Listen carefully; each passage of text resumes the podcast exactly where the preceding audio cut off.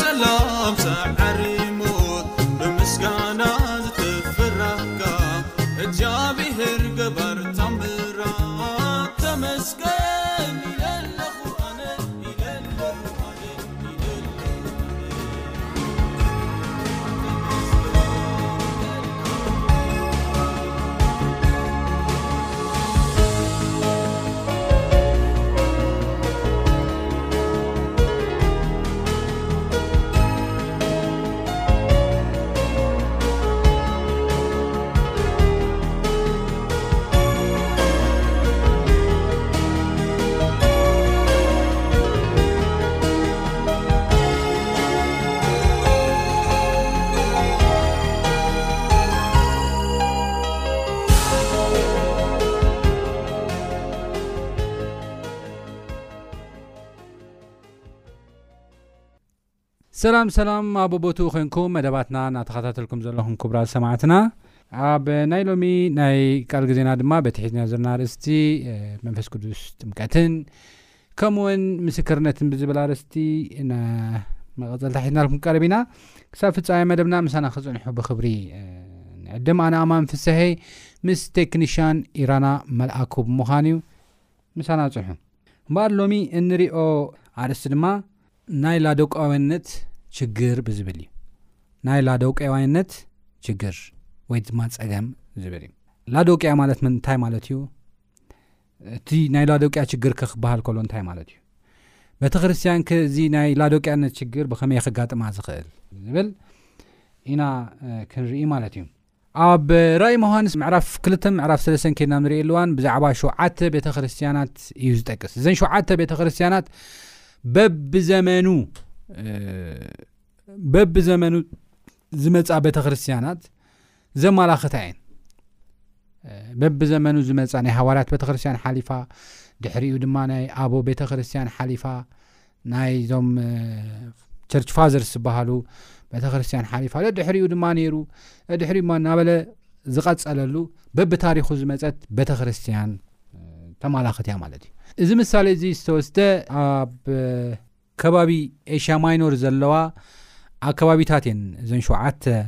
ቤተ ክርስትያናት ኣብ ሸዓተ ሃገራት ዘለዋ እየን ላዶቅያ ኤፌሶን ስሚርና ፊላደፊያ ገለ ዝበሃላ እየን እዘን ቤተክርስትያናት ማለት እዩ ካብኡ ተወሲዱ እዩ ናይ ራእይ ዮሃንስ ፀሓፊ ተጠቂሙ ኣብ ዘመናት ዝመፃ ቤተክርስትያናት እናጠቐሰ ዝኸደ ማለት እዩ እምበር እታ ናይ መወዳእታ ቤተክርስትያን ናይ ላዶቅያ ቤተክርስትያን እትበሃል ድማ ኣብዚ ግዜ ንዘለና ቤተክርስትያን ትውክል እያ ማለት እዩ ኣብዚ ግዜ ንዘለና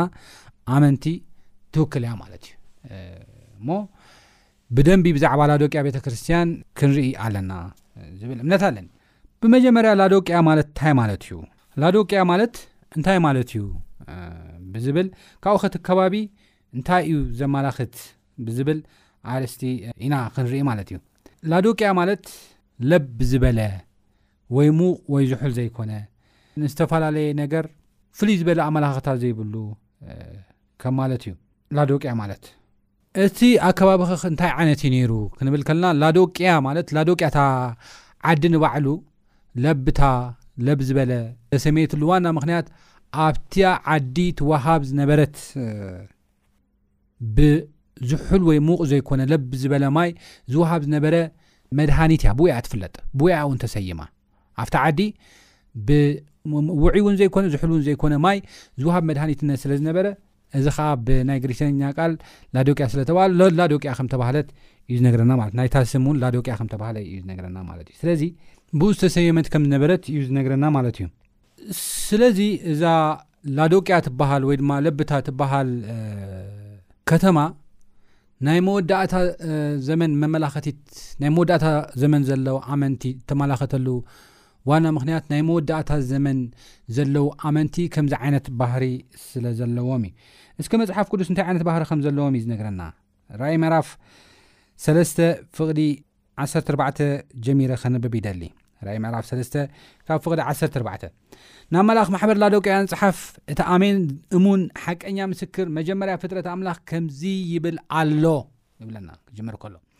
ዝሑል ወይስ ሙቕ ዘይሙኻንካ ግብርኻ እፈልጥ ኣለኹ ብኣኻ ዝሑል ወይ ሙቕ ከም ሙኻንካ ከምዚ ልብጥ ዝበለ ብሙኻንካ ኣይ ሙቕ ኣይ ዝሑል ኢኻ እሞ ካብ ኣፈይ ጡፍ ክብለካ እየ ሃብታምን ፈሳስን እየ ሓንቲ ዘድልያ ነገር እኳ የብለይን ብምባልካ ሕሱርን ዘደንግጽን ነዳይን ዕውርን ዕሩቕን ሙኻንካ ኣይትፈልጥን ኢኻ ዘሎኻ ምእንቲ ክትብትን ብሓዊ ዝጸረየ ወርቂ ካባይ ክትዕድግ፣ ሕፍረት ዕርቃንካ ምእንቲ ከይቅላዕ ክትክደን፣ ከኣ ጻዕዳ ክዳውንቲ ምእንቲ ክትርኢ፣ ነዒንትኻ ክትኳሓል እውን ኩሕሊ ካባይ ክትዕድግ እመኽረካ ኣሎኹ። ኣነ ነቶም ዘፍቅሮም ዘበሉ እገንሖም፣ እቐጽዖም እየ። ደጊም ቅናእ እሞ ተነሳሕ። እንሆ፣ ኣብ ደገ ቤት ደው ኢለ ኳሕኳሕ እብል ኣሎኹ። ሓደ እኳ ድምጸይ ሰሚዑስ ማዕጾ እንተ ኸፈተለይ፣ ናብኡ ኽኣቱ፣ ምስኡ ክድረር እየ። ንሱ እውን ምሳይ። ከምቲ ኣነስ ሰዓርኩ እሞ ምስ ኣቦይ ኣብ ዝፋኑ እተቐመጥኩ ነዚ ዝስዕር ኣብ ዝፋነይ ምሳይ ክቕመጥ ክህቦ እየ። እዝኒ ዘላቶ መንፈስ ንማሕበራት ዝብለን ዘሎ ይስማዕ ይብል። ስለዚ እዚ ልብጥ ዝበለ ማይ ኣብ ቅድሚ ኣምላኽ ተቐባልነት የብሉን እዩ። ልብጥ ዝበለ ማይ ብፍላይ ንኽትሰትዮ ዝምቹ ኣይኮነን ፅቡቅ ፊሊንግ ፅቡቅ ስምዒት ኣይህበካን እዩ ካብ ዝተላዕለ ልቡጥ ማይ ለበጥ ዝበለ ማይ ኣብ ቅድሚ እግዚኣብሔር ተቐባልነት ከም ዘይብሉ ለበጥ ዝበልካ ስለ ዝኾንካ ብፍፁም ካብ ኣፈይ ጡፍ ክብለካ ኢሉ እግዚኣብሔር ክዛረብ ከሎ ኢና ንርኢ ማለት እዩ እዚ ልብጥ ዝብል ዘሎ ቃል ንምንታይ ንምግላፅ ዘል እዩ መፅሓፍ ቅዱስ ዝዛረቦ ዘሎ ክንብል ከልና ን ኣብ መወዳእታ ዘመን ዝነብሩ ኣመንቲ ኣነ ምንም ኣየድልየንን እዩ ሙሉየ ሃብታሜ ፈሳሲ ሓንቲ ዘድልየኒ ነገር እኳ የብለይን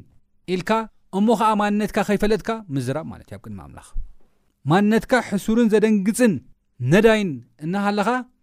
ሃብታሜ ፈሳሴ ሓንቲ ዘድልያ ነገር እኳ የብለይን እናበልካ ምዝራብ ማለት እዩ እዚ ለበጥ ዝበለ እምነት ማለት ከምዚ ዓይነት ህይወት ዘይኮንካዮ ምዃን፣ ንስኻ ካልእ ከለኻ ዘይኮንካዮ ምምሳል፣ ኣብ ቅድሚ እግዚኣብሄር ልክዕ ከም ለበጥ ዝበለ ማይ እዩ። ፅቡቕ ኣይኮነን፣ ጣዕሚ የብሉን፣ ኣይሕጉስን እዩ፣ ልብኻ ኣትዩ እውን ኣይሕግሶን እዩ። ንያም ካብዚስ ይብል ዝሑል እኳ ምዃን መሓሸ ይብል። ዝሑል ማይ ማለት እምነት ዘይብሉ ማለት እዩ። ድኹም በቃ ኦሬዲ ዝሞተ ሞይተ ኢሉ ዝሓሰበ ማለት እዩ ዝሑል ነገሩ ዘፍለጠ ነገሩ ዝፈለየ ዝሑል ማለት እዩ እሱ ይሓይሽ እዩ ዝብል እግዚኣብሔር ክዛረብ ከሎ ካብ ዝልበጥ ዝበለ ማይ ንስኻ ካልእ ከለኻ ደይንስ ክትመስል እትፅዕሮ እትዛረቦ ነገራት ካብ ከምኡ ምግባር ዝሑል እኳ ይሓይሽ እዩ ዝብል ዘሎ እግዚኣብሔር ብጣዕሚ ዝገርም እዩ ክሳብ ክንደይ ለበጥ ዝበለ ማይ እግዚኣብሄር ከም ዝፀልእ ክሳብ ክንደይ ማንነትካ ካልእ ክነሱ ንስኻ ግን ካልእ ንምዃን ምፍታን እግዚኣብሄር ክሳብ ክንደይናይ ከም ፀልኦ ዘርእየና ሓሳብ እዩ እዚ ሓሳብ እዚ ምምሳል መጽሓፍ ቅዱስ ተደጋጊሙ ዝጠቐሰልና ነገር ኣሎ ሓደ እዚ ዝጠቐሰልና ነገር ግቡዛት ኣይትኹኑ እዩ ዝብለና ግቡዛት እንታይ እዮም ዝገብሩ ግቡዛት ብውሽጦም ማቴዎስ መራፍ 23 ብዛዕባ ግቡዛት ተፃሒፍልኩም ኣሎ የሱስ ክርስቶስ ንግቡዛት ዝወቀሶም ልቕሉቓን መቓብር ኢኹም ዝተለቕለቐ መቓብር ኢኹም ውሽጡኹም ተንኩል ክፍኣት ዓመፅ ግፍዒ እዩ ዘሎ ነገር ግን ብደገኹም ክትርእይዎ ከለኹም ክርእየኩም ከሎ ሰው ዋ መላእኽቲ ቅዱሳን መስሉ ኢሉ ብዛዕባ ግቡዛት ዝተዛረቦ ክርስቶስ ብጣዕሚ ወይለኹም እናበለ ዩ ዝተዛረበ ማለት እዩ ንሕና ከዓ ግቡዛት ንከይንከውን እግዚኣብሄር ፃውዒት ኣቅሪብና ዩ ብክርስቶስ የሱስ ግቡዛት ኣይትኹኑ ውሽጢካ ካልእ ደገካ ካልእ እዚ እግዚኣብሄር ዘይከብረሉ ማንነት እዩ እዚ እግዚኣብሄር ዘይከብረሉ ማንነት እዩ እግዚኣብሄር ዘይከብረሉ ማንነት ጥራሕ ኣይኮነን ንዓና እውን ንመርገምን ንጥፍኣትን ዘብጽሕ እዩ ስለዚ እዚ ናይ ላዶቅያውነት ጸገም ናይ መወዳእታ ዘመን ዘለና ኣመንቲ መግለጺ እዩ ውሽጥና ካልእ ደገና ካልእ